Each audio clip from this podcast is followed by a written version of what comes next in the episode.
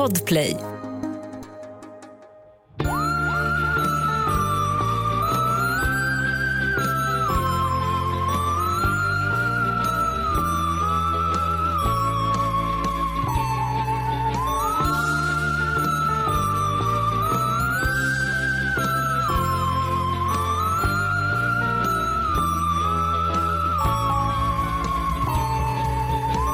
Då säger vi hallå och även välkomna till Mord mot mord. Avsnitt, Även välkomna. även välkomna, avsnitt, jag tror avsnitt 181. Jävlar. Alltså det är så många. Jag får svindel när jag tänker på det. Ja, jag med. Äh, vi lägger ner. Vi, eh, vi lägger ner, det blir inget avsnitt idag, för nu, Nej, nu har vi lagt ner. Bra. nu har vi lagt ner. Mm. Så, Nej. så o, ehm, o, du och jag och göra det så, så, så spontant. Eller Att hur? liksom inte, inte, inte prata igenom det innan, In, inte älta det i uh, I tre år. Exakt. Det kan man ändå lita på. Alltså att det kommer ältas rejält innan vi lägger ner. Absolut. Så att man får ut ett gäng, ett par avsnitt till helt enkelt. Det är bra. Uff. Hur är läget? Nej men det är väl bra, jag sitter här hemma i min pappas hemmastudio. Mysigt. Ja men det är, det är faktiskt väldigt mysigt.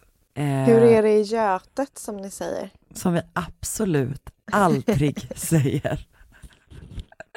Eh, nej men det är bra. Eh, det, det, är, det är mysigt. Det känns bra. Jag har Ja. ammat på en spårvagn. Härligt. Jag har ammat vid sälarna i Slottsskogen. Så att jag Härligt. håller liksom på att Finns ge det min... sälar där? Ja det är så jävla synd om de sälarna. Det är Vad verkligen det. sjukt. De har det inte toppen. Faktiskt. Är de typ i liksom I en, ja en liten, alltså tänk dig typ en så här. akvarie typ? Som på Ja, men- Skansen typ? Har inte sett, finns det sälar på Skansen? Gud, vi, lär, Men ja, vi lär oss så mycket. jag tappade min vante hos dem en gång när jag var liten. Och vad glada de blev. den. Nej, Av jag fick tillbaka den. Först, le- först lekte de med den jättelänge.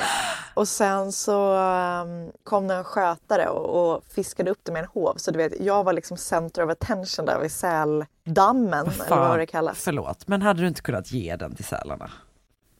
Hur mycket hade de att leka med? Jag vet inte Karin. Jag kan inte svara på varför jag fick tillbaka den. Jag blev väl ledsen eller något sånt. Ja, okej, fair enough. Nej men, eh, Ah. ja de har en liksom en eh, riktigt deppig liten situation kan man säga. Eh, Men är det liksom som en damm eller mer som ett akvarium? Alltså, nej men jag skulle säga att det är, om du tänker dig mittemellan en, damm och ett akvarium. Okej. Eh, det är väl liksom någon slags, det finns ändå du vet så man kan gå ner och kolla under ytan genom en sån, du vet en sån som de bankar Ja, på ja. i Rädda Willy. Ja. Typ en sån. Den känns, jag tänker mig att botten är slät. Alltså att det är liksom pool, inte poolbotten, inte, inte kakel, utan mer av en Nej. matta som har liksom en sånt, eh, med en beläggning av alger på sig, så tänker jag att det är. Ja, okej. jag fattar. Det, ja, nej men det är inte, det är inte toppen och eh, Det jag inte toppen. känner att mitt barn även kände av det eftersom hon blev rasande när hon gick förbi där. Nej. Wow. Så då ammade jag henne där. Och du, hon har redan signat upp sig på Greenpeace. Verkligen. Hon bröt sig in hos sälarna. Hon bor med dem nu. Hon släppte ut dem. Så de bor ute i De bor hemma hos, hemma hos mig nu. De bor i din pappas hemmastudio. I hans badkar i Vi har bytt plats kan man säga. Ja, men det är väl en sån urban legend typ i Göteborg att, ehm, att någon har stulit en säl. Nej, vänta, någon har stulit en, en ehm, pingvin tror jag. Finns Men det det däremot- också? Ja det finns med. De bor typ grannar. Gud vad sjukt. eh, åh, nu kommer min pappa med kaffe. Tack. Åh, gott. Nej, förlåt, kan jag få mjölk? Alltså, du vill ju ha en fråga, det är ju man. Nej. Du får ju säga Va? det Karin. Nej, det sa han inte. Vad sjuk han är. Han pratar nog om sig själv. Markus sitter fortfarande och väntar på sitt kaffe där ute. Utan mjölk. Ja, och han, han hade rakt av sagt, "Men jag- nej hon tar svart. Det är hans önsketänkande, att jag var en sån cool girl. Han känner inte riktigt det. Ah, gud, deppigt. Alltså det tycker jag är liksom någonting som gör att det verkligen känns som att jag inte känner Oscar. För att han är helt ojämn i när han har mjölk i kaffet eller Nej. när han dricker svart. Det är Ja. inte okej. Nej, så han så måste faktiskt typ bestämma här, sig. har han mjölk i kaffet så är det typ att jag bara, eh, jag ska fråga. och då känns det som att man verkligen inte, inte så här att man känner varandra så bra att man har ett barn, ska ha ett barn ihop. Tack pappa. Nu har jag kaffe med mjölk. Gott. Nej men det är ju faktiskt riktigt pinsamt. Det är riktigt pinsamt. Ja, det är inte bra. Jag känner Nej. så att jag, jag kan absolut, jag kan inte Marcus telefonnummer. Jag frågar varje gång. Är hans telefonnummer? Nej men vem kan det nu när man inte har en hemtelefon? Nej men man skriver in, alltså man skriver ändå in, varje gång man typ bokar ett tåg så skriver jag ändå in hans nummer, men jag kan det ändå inte. ah, okej. Jag kan typ Oscars faktiskt. Jag kan typ mitt barns personnummer nu. Nästan. Eh, men man måste hänga upp det på årtal om det går. Eh, Sigrid har ett årtal som liksom ändå är, liksom, jag ska inte säga vad hennes fyra sista siffror är, men det är liksom ändå ett sånt, ett viktigt årtal i historien om du förstår vad jag Ja, menar. ja men det har inte Sally. Hon har ju liksom lite grann åt Niklas natt och dag. Nej nu kommer folk bara testa alla 1700. Hon har Men ändå du- inte några kreditkort, det är ingen mening att ni försöker stjäla Jag känner mig förvirrad för att jag trodde att alla som var födda i Stockholm hade en nolla i sitt eller att deras personnummer började på noll. Ja nej. Eller Men inte. så var det förut. Ah, okej. Men det kanske Det är kanske så här de märker de som nollor. egentligen är utom Socknes. Som mitt Ja barn. precis. För att Sigrid, och Sigrid är ju skåning egentligen. Ja. Halvt i alla fall. Nej men de är typ så här, nej men här har vi ett barn som kan ammas på en spårvagn. Det blir ingen, vi ödslar ingen nolla på henne. Ingen nolla på henne. Nej men det kanske tagit slut på noll eh, personnummer Ja, i Stockholm. kanske. Ah, ja. Får ringa Skatteverket Ah, om det. Eh, Hur mår du? Eh, men jag mår bra. Jag mår jättebra. Jag är Vad lite trött du den här helgen. någonting? Eh, just nu? Nej just nu Eh, pratar du med mig. jag hade blivit chockad om jag gjorde något helt annat just nu. Ja, kul. Just nu är jag på middag med några vänner. Nej, men jag gör inte så mycket mer än att jag jobbar. Alltså på riktigt så är det typ det enda jag gör. Ja.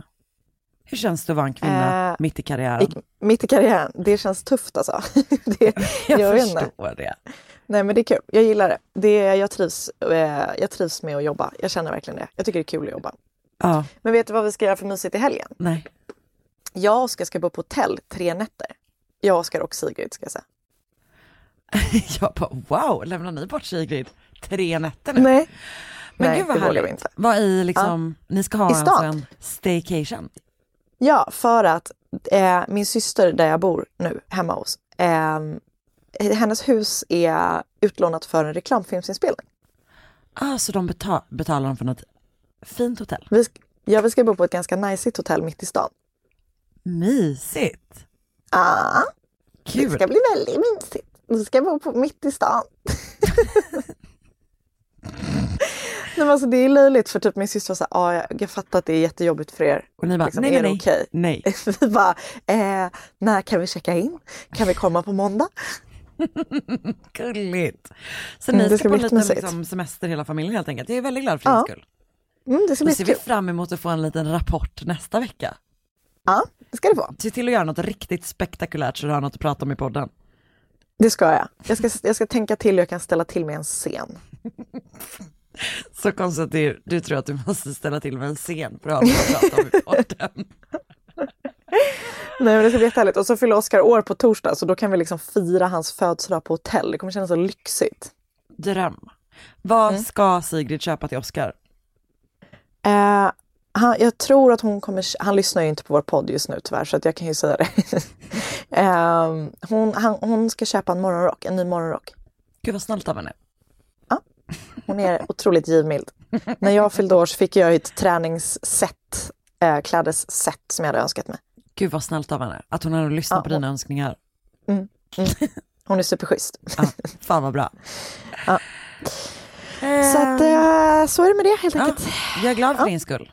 Mm. Din återvändo till, till stan, Till city. till city. Äntligen ska City, du Sigrid. city's, cry, city's crying out my name and I'm calling out for the city. Just Så det. känns det. Bra. Mm. Ehm, har vi något? Har du något Mer? du vill säga? Nej, jag tror typ inte det. Vet, Ehm, Fan ska vi? Vi kör igång. Jag tycker att vi gör det. Så här, så här snurriga i vårt intro var typ länge sedan vi var. Så det är lika bra att gå vidare från det. Nu smsade Oskar mig. Nu här, Jag hör- Nej jag vill inte ha någon. Vad gjorde han Han skrev, jag hör genom dörren. Punkt, punkt, punkt. Fan! Gud vad dåligt av dig att du avslöjat vad Sigrid ska ge honom i present. Faktiskt. Åh. Jag skrev att det var en luring. Bra, smart. Det var exakt det han svarade tillbaka. Haha, smart. Okej, nu kör Okej vi nu då. kör vi.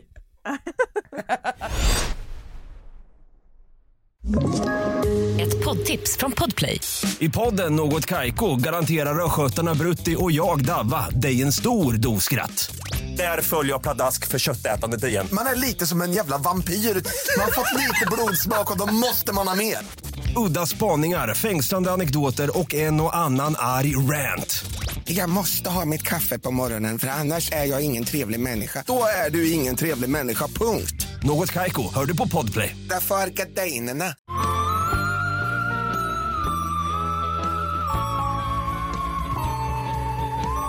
Jag har ett eh, lite konstigt fall idag. Okej, Jag kan redan från början säga till dig att ingen dör.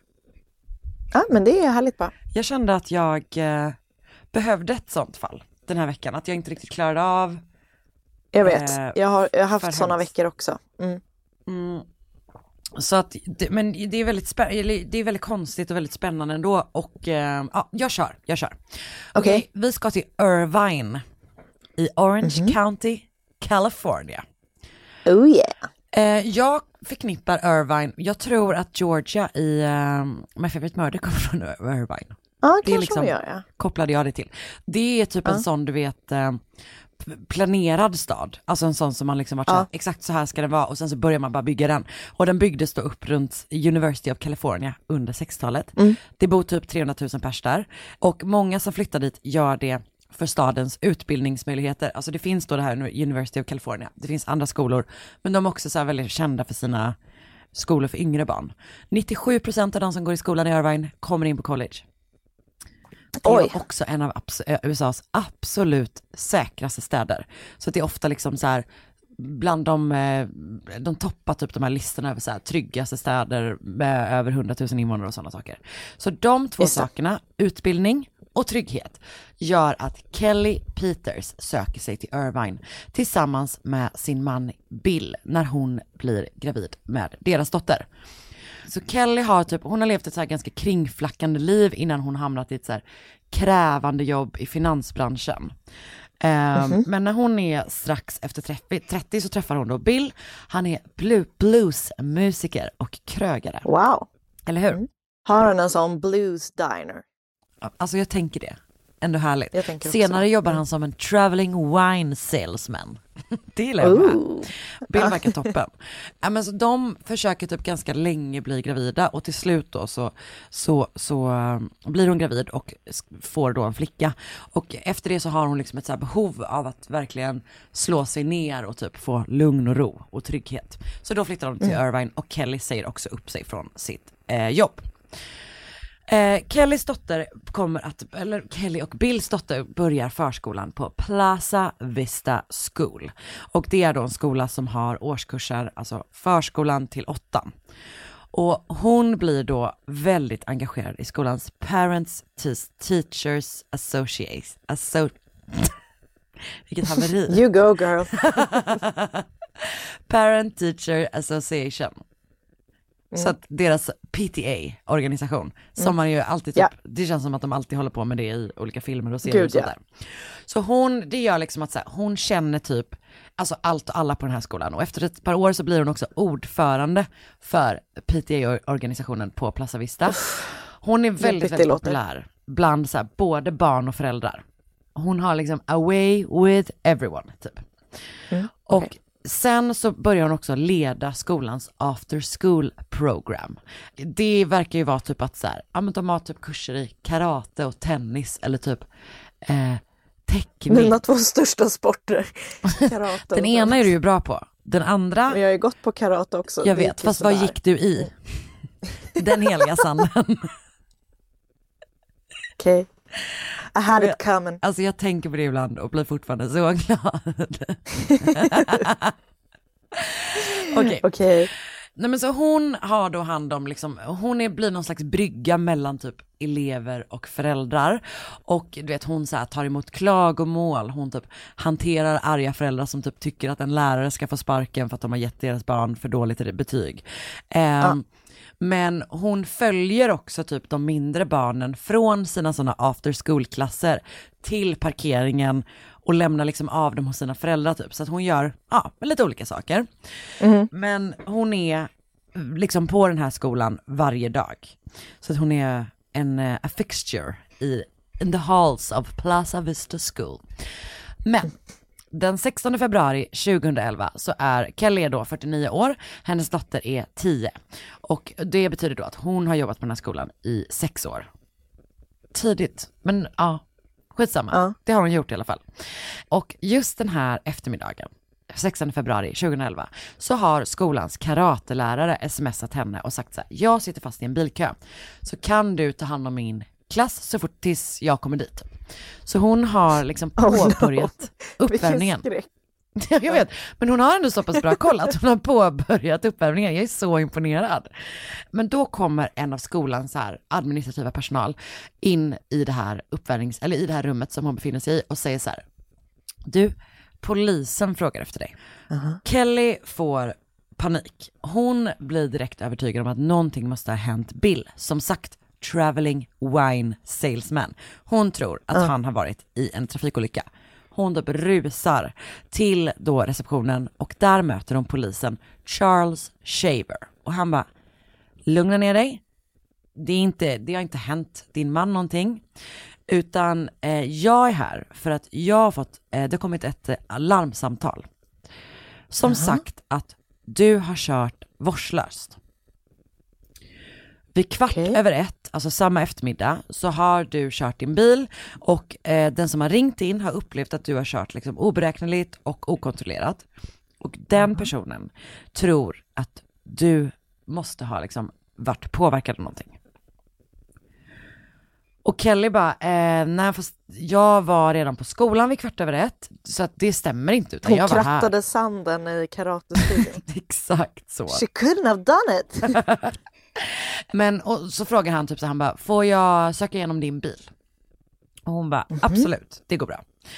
Och de går liksom ut på den här parkeringen, framför alla, alla du vet, föräldrar som har stenkoll på vem hon är, så börjar han då leta igenom hennes bil. Och väldigt snart så får han syn på någonting. För ur liksom fickan på baksidan av förarsätet så sticker det upp en påse.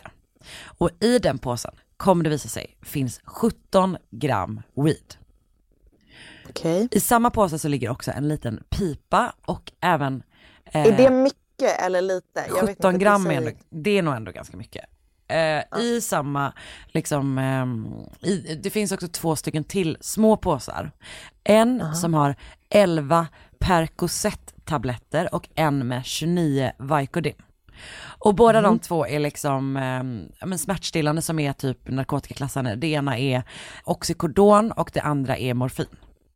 Okej. Så att det, det är liksom, som sagt, de är narkotikaklassade. Och när Kelly då ser vad den här polisen Shaver har hittat, så faller hon på knä på marken, gråter och bara, någon måste ha planterat de här drogerna, de är inte mina, de är inte mina typ. Aha. Och det han då har hittat är tillräckligt för att hon ska dömas till fängelse. För att de här narkotikaklassade tabletterna är en sån, alltså det är en felony liksom.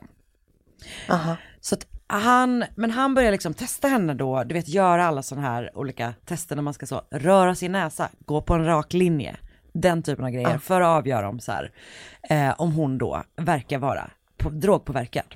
Och hon klarar alla tester utan anmärkning. Och det som hände sen är uppenbarligen något som är så jävla mycket white privilege. För att han är då typ en så supererfaren polis, han har typ jobbat 23 år eller någonting. Han eh, tror på henne. Att hon då, att det inte är hennes droger. Att hon inte är påverkad av droger. Nej. Så han börjar då ställa fler frågor. Och han börjar också fråga andra människor på skolan. Han tar tid för att liksom reda ut vad det är som kan ha hänt. Och snart då så kommer personalen på skolan bekräfta att så här, men hon, var, hon var redan inne på skolan vid kvart över ett.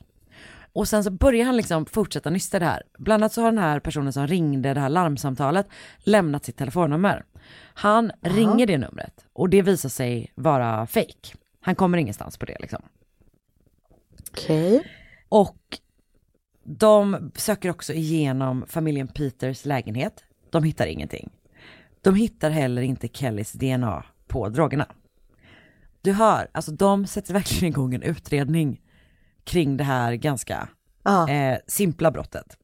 Och det finns då ingenting, tycker de, som tyder på att hon skulle, alltså att det skulle vara hennes droger.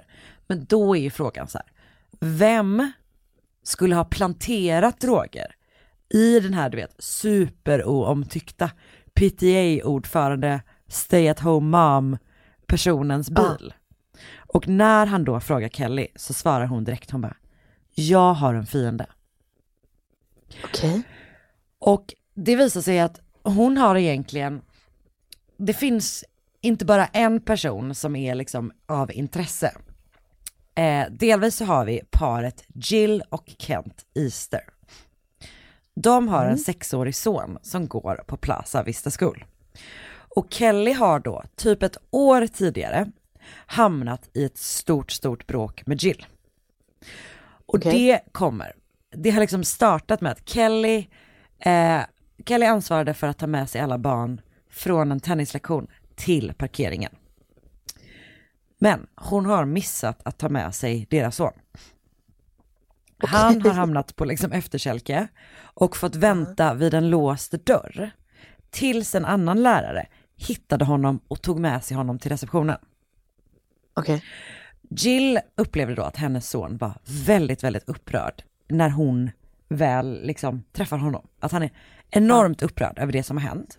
Och när hon frågar Kelly vad, alltså så här, hur det kommer sig att han hamnade eh, utanför den här låsta dörren och varför en annan lärare tog med honom till the front desk typ. Så svarar Kelly att så här, men han är, han är lite långsam typ. Eh, och därför har hon missat att få med sig honom. Hon menar att han var lite långsam att byta om. Jill tolkade som att Kelly menar att han var långsam i sin utveckling psykiskt Aha. och fysiskt. Okej. Och efter det har hon tappat det totales. Eh, och har bland annat sagt då till Kelly, I'm gonna get you. Sen har det här paret försökt få henne typ avsatt som ansvarig för det här ACE-programmet. Men skolan har också gjort en utredning, landat i slutsatsen att citat, inget hänt. Vilket är Okej. så strängt. Att de bara, det här är inte en grej, ingenting hände.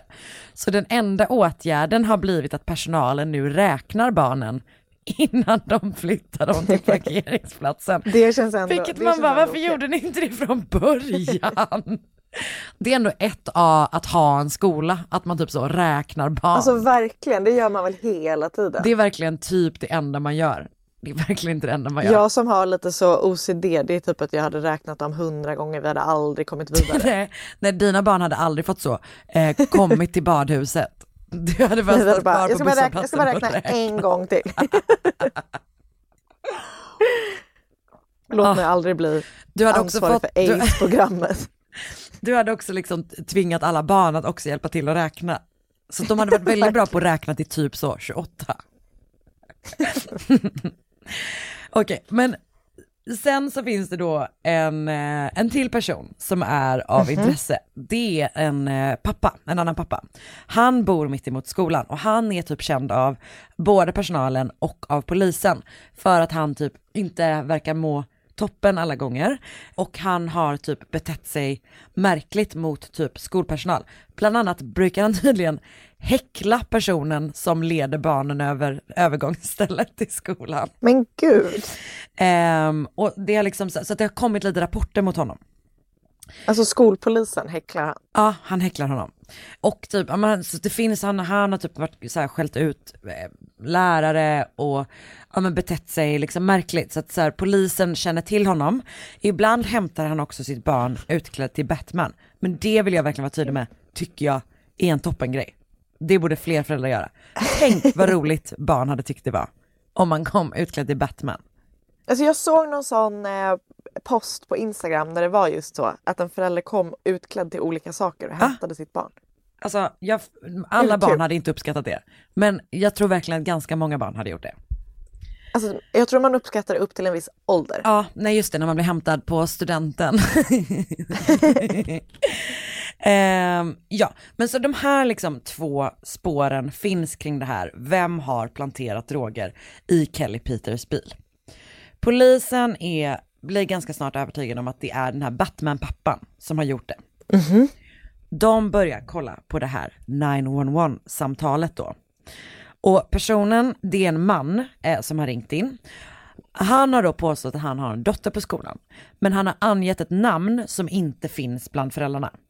Han har angett Okej. ett indiskt namn och kort efter att han har angett det här namnet i larmsamtalet så har han glidit in i en svag indisk accent som inte Okej. har funnits med från början. Speciellt. Ja. Ja. Polisen spårar också samtalet till en eh, telefon i en, en hotellobby som ligger i Newport Beach. Newport Beach är alltså gränsar till eh, Irvine och är liksom det finare vid kusten typ. Eh, Okej. Så att de tar då fram övervakningsbilder från den här hotellobbyn och där räknar de då med att få se Batman-pappan. Men istället så ser de en annan person, någon de inte känner igen, gå in i den här lobbyn vid tillfället, eller typ samtidigt som det här samtalet kommer då. Och när de visar bilderna för rektorn på Plaza Vista så säger den personen direkt så här, det där är Kent Easter. Det är alltså Jills Okej. man då. Ja. Och det här paret, The Easters, eh, de var båda två advokater. De hade så topputbildning från Stanford, UCLA och Berkeley. Eh, jag tror att en Oj. är Berkeley, en är Stanford, UCLA. De har också registreringsskyltar på sina bilar som hintar om var de har gått. Hans bil har regnummer UCLA typ D1 eller någonting. De har då träffats i jobbet, men när de, eh, jag tror att de har tre barn tillsammans, när de får sitt första barn så flyttar de till Irvine och hon slutar jobba. Han jobbar på en byrå som råkar ligga ett par hundra meter från den här hotellobbyn där det här samtalet kommit ifrån. Och de har då som sagt hamnat i den här jättestora konflikten med Kelly efter den här incidenten med den lite långsamma sonen. Allt kokar verkligen ner då till det här ordet och hur man väljer att tolka det. Och Jill har då blivit fixerad vid att så här, Kelly ska bort från skolan. Hon har typ börjat driva en kampanj på skolgården där hon försöker samla namnunderskrifter från andra föräldrar för att få Kelly avsatt. Och Shit. rektorn är så här, det du håller på med nu, det kan typ räknas som harassment. Och de är väldigt mycket så här, vi är advokater, typ, vi vet vad, alltså de liksom Ja, ja. hotar också lite grann med legal action, men också typ att de har koll på lagen typ. Eh, och eh, när, eller rektorn kommer senare då säga att, att eh, eller kommer typ rapportera om det här när han, han pratar med Jill om, eh, om just det här att så här, det här är harassment, så säger hon så här, eh, eller säger rektorn att she stated that uh, what, she, uh, she, what she was doing isn't harassment, that she is fully within her rights and that she is going to continue until Kelly is gone. She also stated that she might be making a sticker or a sign for her car stating what Kelly had done. Så hon är på väg att ta i med hårdhandskarna. Verkligen. De polisanmäler Kelly. Polisen kommer fram till att inget brott har begåtts. Hon, de försöker skaffa en restraining order mot Kelly som ska gälla både Jill och den här sonen. Eh, och när då polisen är så här, men det har inte hänt någonting. Så försöker de, du vet med en sån civil suit. Och då Okej. påstår de då att deras son har utsatts för false imprisonment och intentional infliction of emotional distress. Eh, och att han har suffered extreme and severe mental anguish. Alltså det som har hänt är att han har stått utanför en låst dörr i fem minuter. Det är liksom det. De lägger Man har ju varit med om värre saker ganska många gånger. det har man ändå. Så att börja, nu säger det du som säger till Oscar att plocka fram Alltså, sin verkligen. lawyer hat och sätta igång med sina, sina stämningsansökningar. I will. Men till slut så lägger de då ner det här åtalet själva, eller de här civil suit, det är ju liksom någon slags eh, separat rättssystem typ. Eh, och skolan är också jättetydlig med att så de bara, vi kommer behålla Kelly, alla älskar henne förutom du typ. Så att det är så vad som, det är liksom vad som har hänt i deras konflikt. Det som är Okej. helt tokigt utö- alltså med det här fallet är att under ett halvårs tid så jobbar en polis heltid med att någon har planterat droger i den här kvinnans det är så sjukt. Totalt så kommer ett 20-tal poliser att jobba med utredningen. Och jag skulle säga att den är liksom mer omfattande än vad vi ofta hör om med typ Ja. ett mord. Och det har att göra med att så här, det här är typ en, eh, en superlugn stad eh, som också har jättemycket pengar tänker jag. Eh, men Ja. det är alltså helt galet. De typ tar in någon utomstående person som bara jobbar med att gå igenom ehm, Kent Easters typ eh, jobbmaterial för att avgöra vad som rör fallet och vad som är liksom client, eh, du vet attorney privilege eh, stämplat. Alltså han jobbar med det i typ ett halvår, bara han. Alltså det är helt, det är en helt sinnessjuk utredning. Okej. Okej, så att de, eh, polisen bestämmer sig då för att tracka paret Easters mobiltelefoner. Och de Alltså, kan gud. Då, nej jag vet, det är, det är så omfattande. De kan då konstatera att hennes iPhone har pingat vid tornet närmast deras hus under småtimmarna den här liksom morgonen som, som eh, drogerna måste ha planterats i hennes bil, i Kellys bil. Men hans telefon, han har en Blackberry, den har pingat. Gud vad jag ville ha en Ja, sån. jag vet. Jag vill typ fortfarande ha det. Hur härligt? Ja, men fett coola. Ja. Ehm, hans telefon har då varit vid Kellys lägenhet. Paret nekar dock all inblandning, men man genomför en husrannsakan. I huset så hittar man Gills självutgivna bok Holding House. Den handlar Okej. om att utföra det perfekta brottet. Det perfekta brottet verkar dock vara någon slags kidnappningssituation. Hon har skrivit den under pseudonymen Ava Björk, vilket jag är tokig i. Ändå starkt. Ja. Man hittar också likadana påsar, alltså så, det är de, de här em, tabletterna låg i sådana små, liksom, små zip-bags, du vet. Och Ja, de har typ ett visst tryck på Typiska sig. knarkpåsar. Ja, typ. De heter typ så, för de Eller? verkar vara för, eh, för bara, just att eller? hantera, eller har man droger i det? Jag vet inte. Nej men de verkar vara för, eh, alltså just för att typ hantera typ läkemedel. De heter typ så easy tablet, Ah, okej. bla bla bla typ. Och då, det finns likadana då i deras hus. Man har då också de här Smells övervaknings- fishy. Ja, rakt av. Man har också de här övervakningsbilderna som visar att Kent är i hotellets lobby när samtalet ring, ring, ring, ringdes. Men å andra sidan så eh, finns, är ju hans kontor också runt hörnet. Man gör inga Ja. gripande i det här läget. Under utredningen stöter polisen på en lång, vältränad man som visar sig vara Gills älskare. Han är brandman. Det är bara en detalj Ooh. som man alltid gillar. Hon har haft en affär med honom i två och ett halvt år. De, Didn't see that coming, Eller hur? De skickar riktigt snuskiga sms till varandra. Nej. Hon kallar honom sex ninja. Vilket är, Det så är här, det du kallar är det- Marcus också. Mm, Men är det typ så här för att han är så typ tyst när han kommer? Vad är det som... Hon kallar honom, Usch, hon kallar honom också. Det här är inte en sexpodd. Nu är det det, för hon kallar honom också för Papi, men också Mr Delicious. Ja, det gillar jag i och för sig. Vill du veta vad han kallar henne? Ja. Sex goddess. Nej. Kom på något bättre, okej? Okej, här kommer en som jag tycker är sämre. Baby girl. Ja, sämre, sämre, absolut sämre. Men han gillar, kallar henne också Mrs Delicious. Okej, I like. Nu fortsätter beskrivningen av hur extremt omfattande den här utredningen eh, är. De råkar typ springa på honom lite grann när de övervakar Gills hus. On, And they liksom turn him. De får honom att bära dold mikrofon. Nej. Och de, och, typ, och pratar med Jill och ser om de, hon kan liksom erkänna det här. De träffas vid en lekplats och pratar medan Jills barn gungar typ. Hon säger till barn, hennes barn att det är en park ranger, den här mannen hon har en affär med.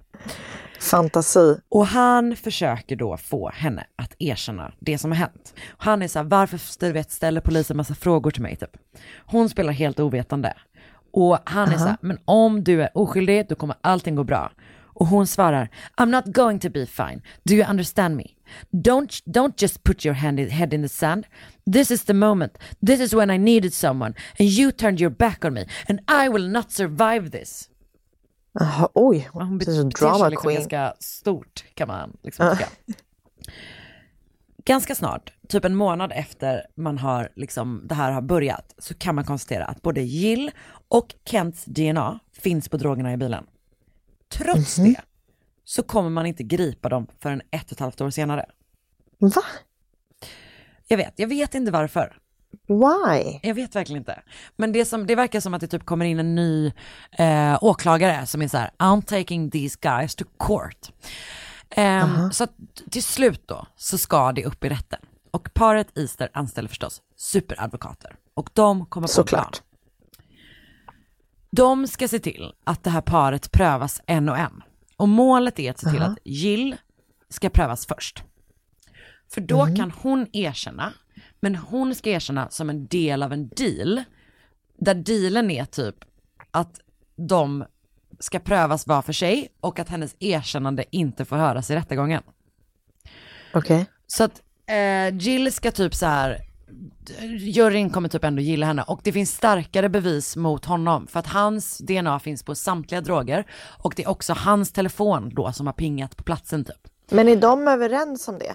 Ja, Det verkar som att de här har kommit överens om, om liksom, alltså, Ah, de har olika advokatteam men att de har landat i det här. Så hon ska erkänna som en del av en deal som inte får höras i rätten. Så att hon ska typ få inget eller typ ett väldigt kort straff. Eh, för att så här, hennes advokat är väldigt bra och bevisen är mycket starkare mot honom. Sen ska hon vittna i hans rättegång och då ta på sig alltihop. Och då är det för sent att pröva henne igen. För du vet, double jeopardy. Och då ska han frias. Det är deras plan. Planen går åt helvete direkt. För att domaren bestämmer att de ska prövas tillsammans. Okej. Men hon gör en deal och döms till 120 dagar och hon ska sitta hälften av tiden. Plus 100 Okej. timmars volontärarbete.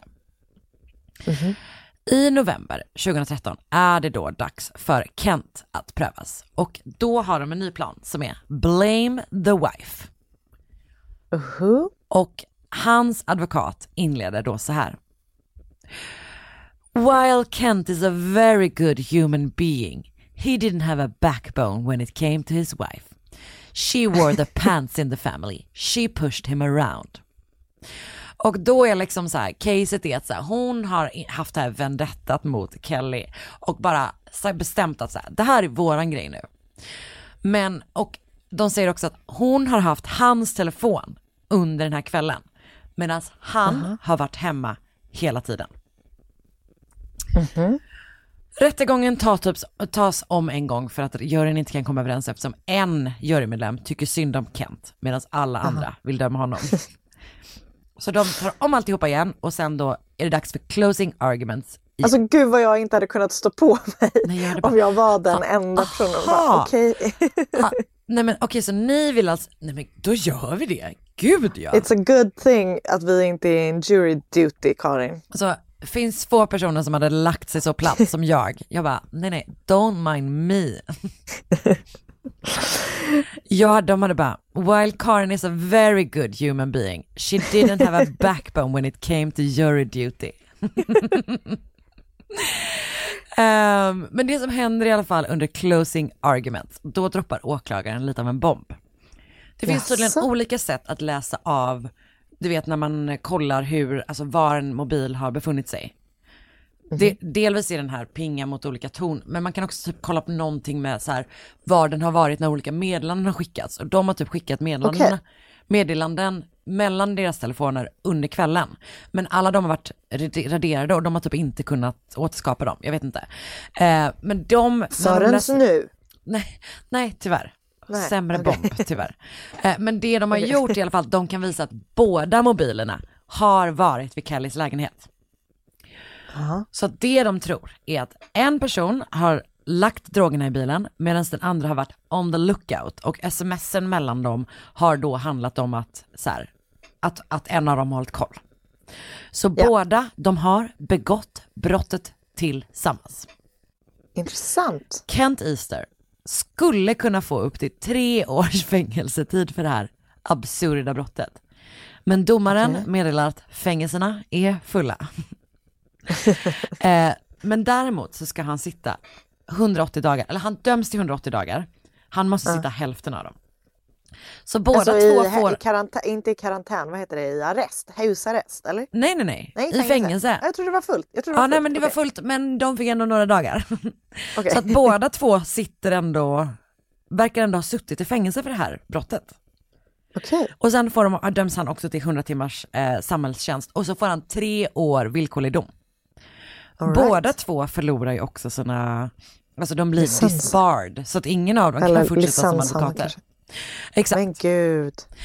När han kommer ut har Jill ansökt om skilsmässa och om ensamvårdnad om deras barn och typ de bestämmer så här, eller de, det blir en jätteinfekterad vårdnadstvist för ibland så verkar det som att de är ihop, ibland är de inte ihop, det går fram och tillbaka hur mycket som helst. De har typ anklagat varandra ibland, de har erkänt, de har tagit tillbaka sina erkännanden, de har varit i verkligen så här, det har varit jätte, jättekonstigt.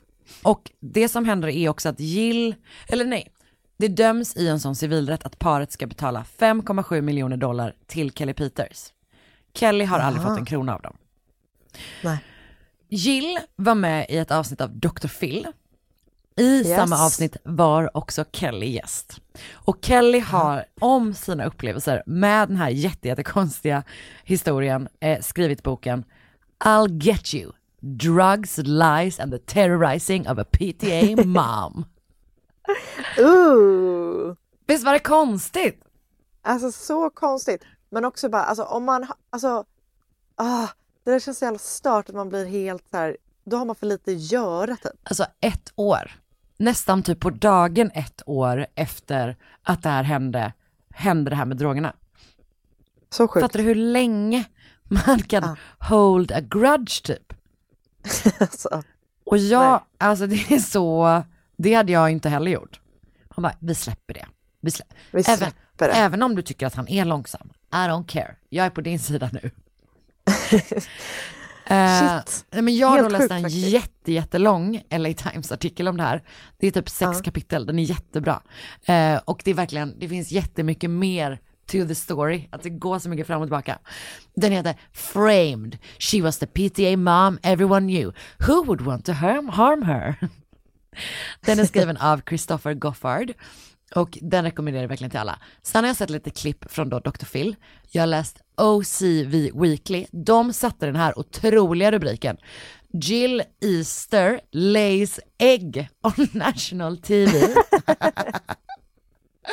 och så har jag läst lite olika artiklar av Stacy Saretsky för AboveTheLaw.com och Phil Show för Huffington Post. Det var det. Shit, tack Annorlunda brott den här veckan. Otroligt. Väldigt intressant. Och lite av en så andningspaus på något sätt ändå. Ja men det var bra tycker Det jag. kan man behöva ibland Det jag. behöver vi. Eller hur? Eller hur? Ett poddtips från Podplay. I fallen jag aldrig glömmer djupdyker Hasse Aro i arbetet bakom några av Sveriges mest uppseendeväckande brottsutredningar. Går vi in med hemlig telefonavlyssning och, och då upplever vi att vi får en total förändring av hans beteende. Vad är det som händer nu? Vem är det som läcker? Och så säger han att jag är kriminell, jag har varit kriminell i hela mitt liv men att mörda ett barn, där går min gräns. Nya säsongen av Fallen jag aldrig glömmer på Podplay.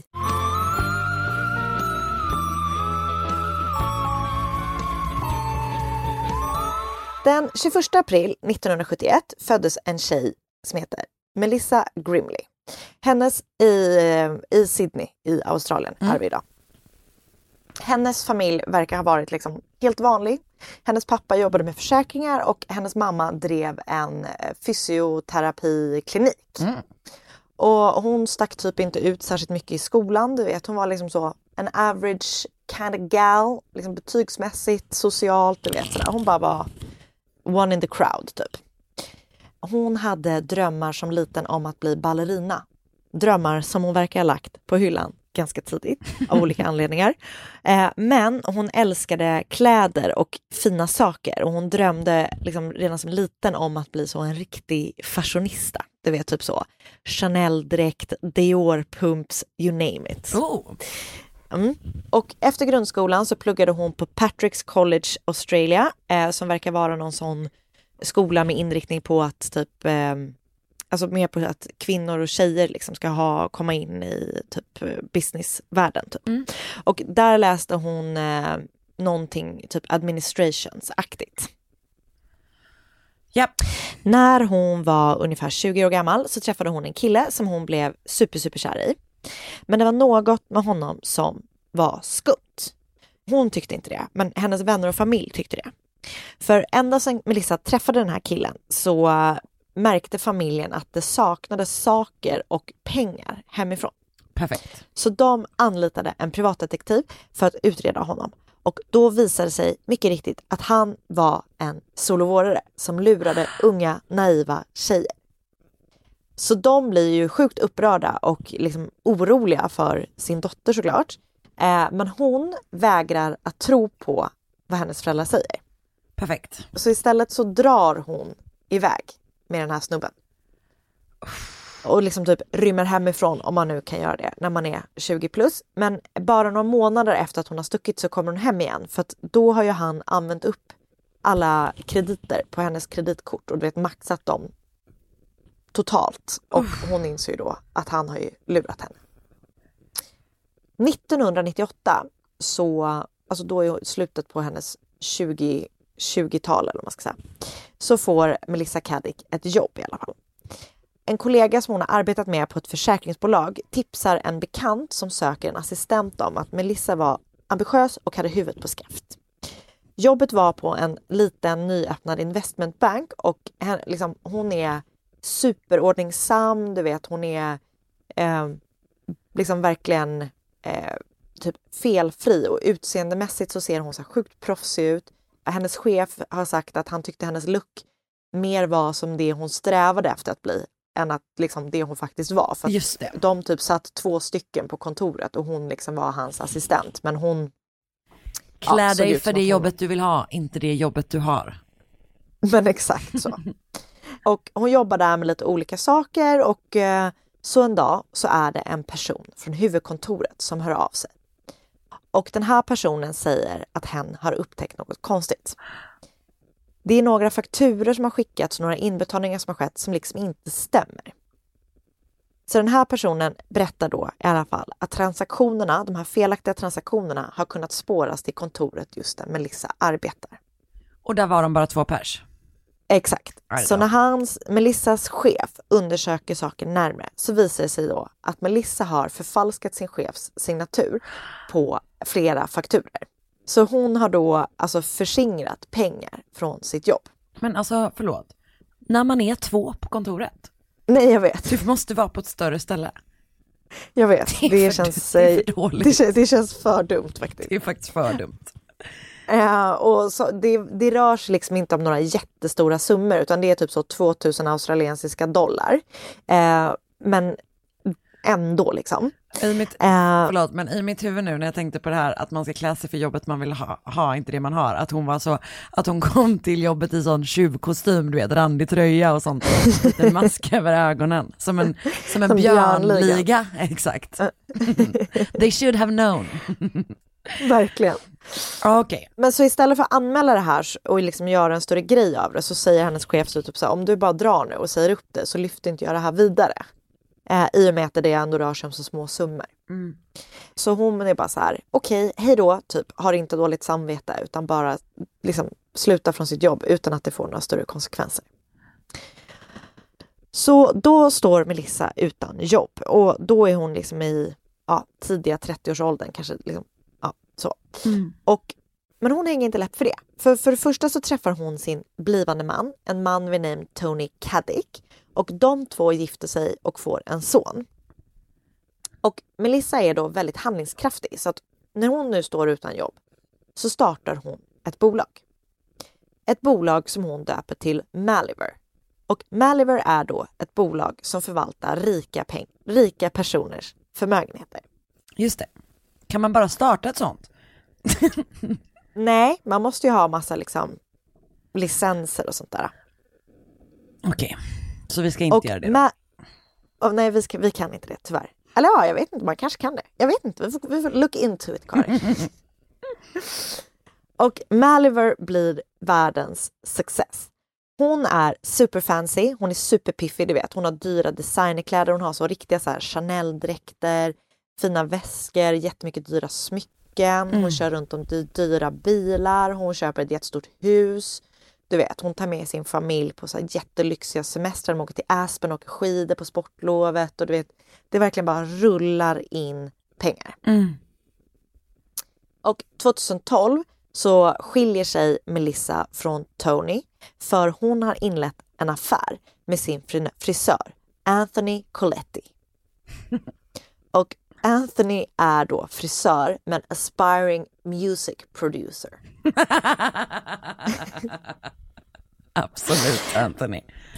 Men de blir i alla fall head over heels och flyttar ihop. Eventuellt gifter de sig, jag vet inte det. Men, ehm, och som sagt, för Maliver så går det super, super bra. Folk hör av sig till Melissa och vill bli kunder hos Maliver. Och de som är sugna på det får svaret att det är fullt. Hon kan liksom inte förvalta, alltså du vet hon kan bara ha ett visst antal kunder. Och ehm, vissa av de här kunderna, eller alla blir så här besvikna då liksom, för att de har ju sett, haft dollartecken i ögonen. Men efter ett tag så blir vissa av de här kunderna kontaktade av Melissa och Maliver och då säger de då att de har fått plats för en ny kund. Välkomna till oss, säger de då. Den här eh, nya kunden då, eller de nya kunderna till Maliver får då ett sjusidigt dokument som heter Maliver Financial Service Guide där det beskrivs att Maliver arbetar med att maximize client outcomes while working within the law. Det är det de, de gör. Man bara, ja det hoppas jag. Verkligen. Man blir orolig när de måste poängtera det. Verkligen. Så då får de de där papperna som de ska läsa igenom och efter att de har blivit kunder så får de sedan tillgång till ett Comsec-konto där de kan se eh, utvecklingen av sina pengar. Och Comsec är då eh, Australiens största online-börsmäklare, typ som Avanza eller något liknande. Så får kunderna då rapporter varje månad om hur deras liksom, kapital har växt eller vad som har hänt under den månaden. Och alla kunder är så sjukt nöjda. Alltså det är aldrig någonting som går ner. Hon hittar liksom rätt ställen att placera sina pengar i. Allt bara ökar i värde och vissa månader har liksom kundernas kapital ökat med upp till 30 procent. Oj jävlar. Och det faktum att det går så bra får ju folk att prata om Melissa, liksom om Maliver och, och det som de gör. Och word of mouth gör då att det bara är fler och fler som söker sig till henne för att de vill att hon då ska förvalta deras pengar. Och du vet, hon är så på, på omslag av du vet, tidningar som är eh, branschtidning kanske, eller vad man ska kalla det för. Ehm, så att liksom det, är- hon har världens framgångsrikaste bolag typ. Och i sin kundbok, eller vad man ska säga, så förvaltar hon då, liksom det är flera kompisar och även eh, familjemedlemmars pengar som hon förvaltar. Eh, så hon har totalt då ett 20-tal kunder ungefär. Ja. 30 typ. Och det är vänner, familj, vänner till vänner och familj. Alltså du vet, hon håller ändå ganska tajt för att hon säger typ så att så här, men jag har tjänat så mycket pengar. Nu vill jag liksom hjälpa de jag har nära att få typ samma sak som jag. Men så i november för två år sedan, alltså 2019, så är det en person som kontaktar ASIC som är Australian Securities and Investment Commission med ett anonymt tips. Personen som ringer in tipset säger att Melissa Caddick eh, som driver Maliver i Dover Heights i Sydney driver sitt förvaltningsbolag utan den licens som heter Australian Financial Services License som man behöver.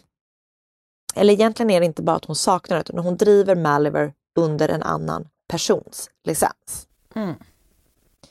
Och att driva ett finansbolag utan just den här licensen är då olagligt och om man gör det så kan man få böter på 22 000 dollar och man riskerar att få två år i fängelse som en följd av det.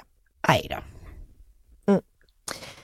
Men eftersom det verkar finnas ett helt gäng av folk som sysslar med vad man kan säga tveksamheter kopplat till finansiella transaktioner och sådant så gick ASIC inte vidare med det här anonyma tipsarens tips.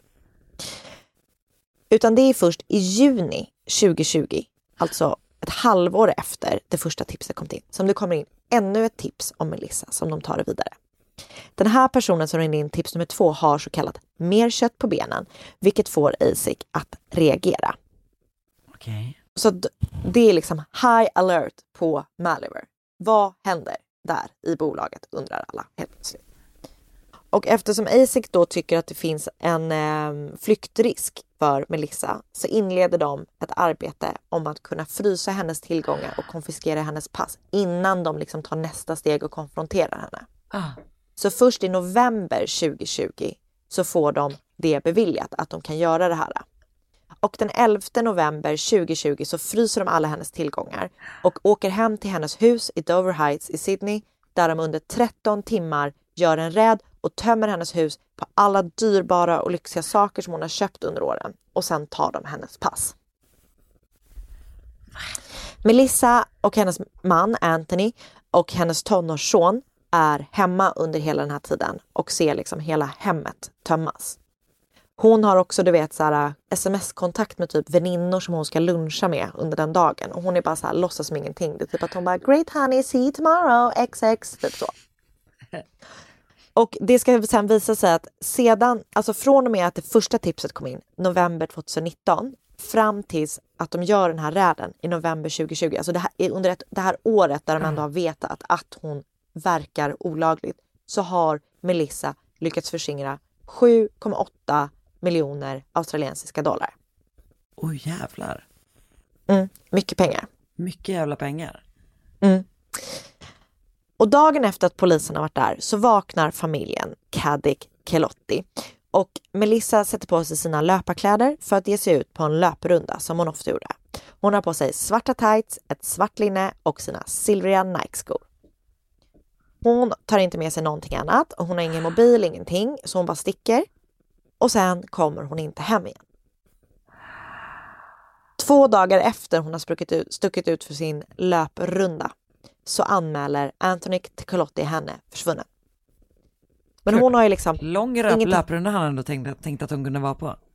alltså verkligen. Och han liksom, ja, hon har ju ingen mobil med sig, hon har ingenting, ingen plånbok, inget pass som ju för sig är liksom spärrat eller om man säger Mm. konfiskerat. Men hon har ingenting med sig. Så de har ingenting att gå på. Hon har bara alltså vanished. Jävlar vad sjukt. Ja. Och liksom, man har ju då såklart gjort, alltså man gör ju en gedigen utredning om Maliver. Och hon har då startat det här utan en licens. Det visar sig att hon har frågat en bekant om hon kan få liksom ny- nyttja den licensen typ när hon startar. Men den personen har då sagt nej. Men hon har ändå kört på som att den personen har sagt ja och angett det. Ja. Sen har hon då fått vänner och familj att investera sina pengar eh, med Melissa. Och de konton som hon satte upp åt alla personer på Comsec visar sig vara falska.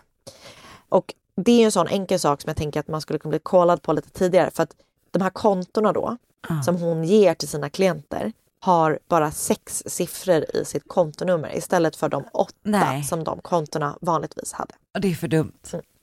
Det är så jäkla dumt. Oj.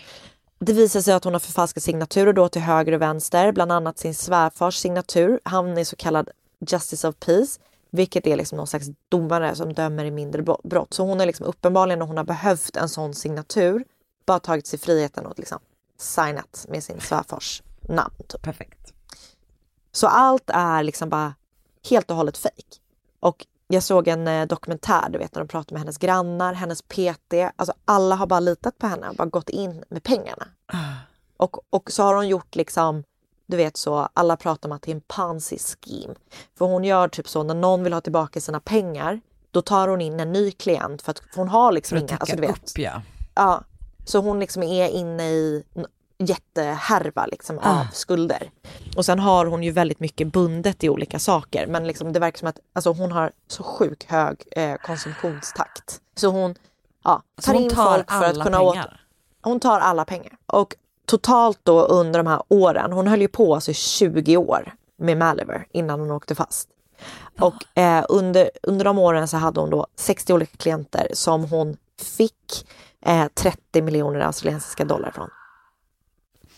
Men det var också typ mycket, alltså folk som var nära henne då.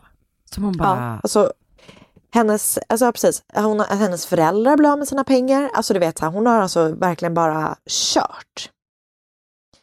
Och det var, jag läste i en artikel som pratat med liksom en av hennes äldsta vänner. Henne har de alltså tagit 10 miljoner dollar ifrån. Och alltså, apropå att liksom klä sig för den rollen så är det typ som om någon sagt så här, you have to act rich to get rich. Så hon har ju liksom någonstans bara, du vet, satt igång och är sjukt bra på att spela. ah. Shit. Alltså Det är att så hon har hållit hemskt. igång det så jävla länge. Ja, att hon har lyckats med det. Och typ, det var någon annan som var typ så här när hon var gift med sin första man. Att bara så här, de, typ att de var någon vän till någon som har tänkt på så här, det här stämmer inte. För han, när de träffades, typ pluggade och hon hade liksom då inte startat Maliver men ändå hade de liksom, du vet, de hade det för mycket bra grejer. Ja. Ah. Så ja, jag vet inte, det är så stört. Och eh, Anthony då, Kelotti, han startade faktiskt ett producentbolag, eh, musikproduktionsbolag. Eh, så han har liksom gjort lite sådana betalda videos som jag sett klipp av som är riktigt starka. Eh, men så hon är då, Är hon borta alltså, fortfarande? dagen efter som de har gjort räden hemma så är hon bara spårlöst försvunnen. Ah. Ingen hör något från henne, ingen ser till henne. Du vet, de går ut på nyheterna och så här, frågar var hon är. Mm. Och det sjuka är också att först till en början när hon försvinner, då är det ju ingen av hennes vänner som vet varför hon har dragit. Alltså för att det här med För de pengarna, om det att de uppdagas ju inte. Nej. Så först är ju alla typ sjukt oroliga och sen blir ju alla otroligt Rasande. arga. Ja. Ja. I en dokumentär så var det hennes PT som var typ så här. Melissa, if you're watching this, I hope to see you in a jail cell soon. Typ så. I demand that Eh. you do 100 squats. Men Det typ- bara ändå ha ett så Nej, burpees. straff. 100 burpees. 100 burpees for you Melissa. Nej men så alla är typ helt övertygade om att hon har dragit och håller sig gömd. Liksom. Och hon kan ju inte lämna landet och hon har ju inga pengar. Men så i februari i år så är det ett gäng som är och campar på en strand på sydkusten nedanför Sydney. Och på morgonen den 21 februari så gör de en otroligt obehaglig upptäckt.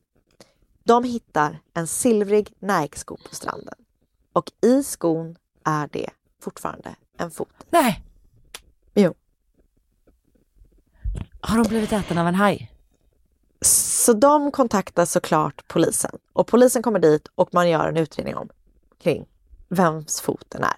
Och det visar sig då såklart att foten tillhör Melissa Caddick. Ingenting annat av Melissa Caddick återfinns. Va? Ja. Så som alltid då så finns det ju olika konspirationsteorier varav en är då att Melissa har då själv kapat sin fot eh, för att liksom få Nej. alla att tro att hon, Att är, hon är död, död. Så, att hon, ja, så att hon istället då ska kunna fly vidare utan att någon letar efter henne. Å andra sidan, hon har ju inga pengar och inga tillgångar så jag, så jag vet inte om det är så troligt. Men om man har haft så sjukt mycket pengar som man har lurat till sig liksom under alla åren så känns det typ som att allt är möjligt. Alltså det känns ju som att hon hade typ så här kunnat tejpa fast eh, pengar under en toalett på Paddington Station. Finns kanske inte i Sydney men jag hittar på det. Ja, nej alltså 100%. Hon har ju haft en exit, hon måste ju vetat om förr eller senare. Alltså någon gång åker Ja. hon ju fast. Nej alltså 100%, förr eller senare, hon måste veta att förr eller senare så kommer de. Och då måste jag ha en exit. Eh, Och det är ju det som har hänt. Alltså hon visste Det är det ju... som har hänt. Ja. Okej, berätta mer. Eh, polisens teori är att hon då morgonen efter att hela hennes hus har tömts och hela hennes liv liksom har ställts på ända, eller vad man ska säga, Mm. så har hon gått till en klippa som ligger 150 meter från familjens hus och hoppat därifrån för att avsluta sitt egna liv. Sen har hon då, som jag också precis tänkte, det hittar jag på själv, det är min egna teori, blivit äten av en haj. Jag vet inte det. Det är också min, ja, rakt av. Men som sagt, ingen vet. Och eh, det pågår fortfarande liksom rättsprocesser då om hur liksom, hennes estate efter henne, hur det ska liksom delas upp till alla som har eh, alla fordrings, Ah. fordransägare eller vad det heter, fordringsägare.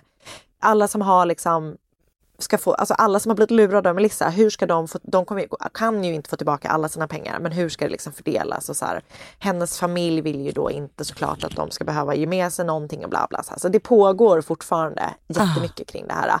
Men man vet inget mer eh, om Melissa. Jag tror att det, de, folk, folk, polisen hittade eh, mer, eh, alltså fler kvarlever. Men, men jag tror det verkar som att det är ganska nyligen. Men det var inte Melissa. Man trodde det ganska länge. Men ja. Eh, ja, ingen som vet. Men Anthony vet. Anthony Kalati, is, han kanske typ snart kommer att öppna ett eh, produktionsbolag, musikproduktionsbolag i typ Thailand kanske. Och så lever hon där. Jag vet inte, vem vet? Men för att alltså, annars hade han ju varit ändå snabbare på att anmäla henne saknad. ja, Kan jag tycka. precis. Hon har kanske hunnit sticka en bit nu. Alltså jävlar. Ändå sjukt, eller hur? Tänk om hon har huggit av sin egen fot. Alltså det är så sjukt om hon har gjort det. Jag vill typ på ett sätt tro det, för det är så spännande. Kan vi inte bara säga att det är så? Det är så. Det är så. Eh, men det känns som man drar till sig lite onöd, liksom så här, jag vet inte. Ah, jag vet inte. Hon har gjort det helt enkelt. är ju både Det är det hela hajen. typ en helt galen jävla plan och samtidigt typ att man bara, ja, ganska smart. Så briljant. Ja. Men just det här att, att blåsa så många som är så nära en under så lång Nej, tid. det är så jäkla hemskt. Ja. Alltså då är man ju, jag gillar inte att psykopat. slänga mig med ordet psykopat, men vad fan. jag gjorde det före dig. Ja. Ja, alltså, måste Nej, men det är så jävla, det är så kallt att göra det. Ja, och sen sitter man där på typ så här släktmiddagar och vet om att så här, Mm. ni är panka allihopa för jag har tagit Ja. era pengar. Nej, det är så hemskt. Oh. Okej, så jag har läst eh, två artiklar på Sydney Morning Herald som heter The Forever Friend, The Former Boss and the Ex-Husband, The Early Victims of Fraudster Melissa Caddick och No Bloody Way, Melissa Caddick rebuffed over request to use license. Skrivna av Kate McClement och så har jag sett 60 Minutes Australia, The Devil Wears Dior, Where is Melissa Caddick and the Missing Millions? yes! och How Melissa uh, Caddick got caught forging checks 20 years before she vanished eh, på news.com.au skriven av Candace Sutton. Uff. Mm. Vilken jävla historia. Mm. Det här är en sån som så, man ändå vill ha lite koll på. Sätter du upp en Google spännande. alert? så typ att jag ska göra det. Eh, ja, nej men spännande. Enorm. Och, vi- ja, ja. Tack snälla du. Nej men du, tack själv Karin. Arrest Och that tack till alla shark. er. Nej, tänk när jag ska bo i den där säldammen i, eh, i Slottsparken. Ja, japp. Arrest that park och stoppa in den i Slottsskogen. Verkligen. Men, men ta bort de Eh, andra ja. sälarna först. Ja, ja, ja. Mm. Absolut. Inte en great Uff. white där bland de gullisarna. Verkligen. Vilken jävla ride. Eh, ja, verkligen.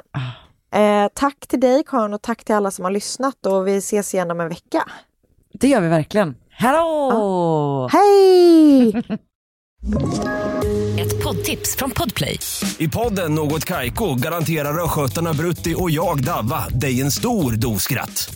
Där följer jag pladask för köttätandet igen. Man är lite som en jävla vampyr. Man har fått lite blodsmak och då måste man ha mer. Udda spaningar, fängslande anekdoter och en och annan arg rant. Jag måste ha mitt kaffe på morgonen för annars är jag ingen trevlig människa. Då är du ingen trevlig människa, punkt. Något Kaiko, hör du på Podplay. Därför arkadeinerna.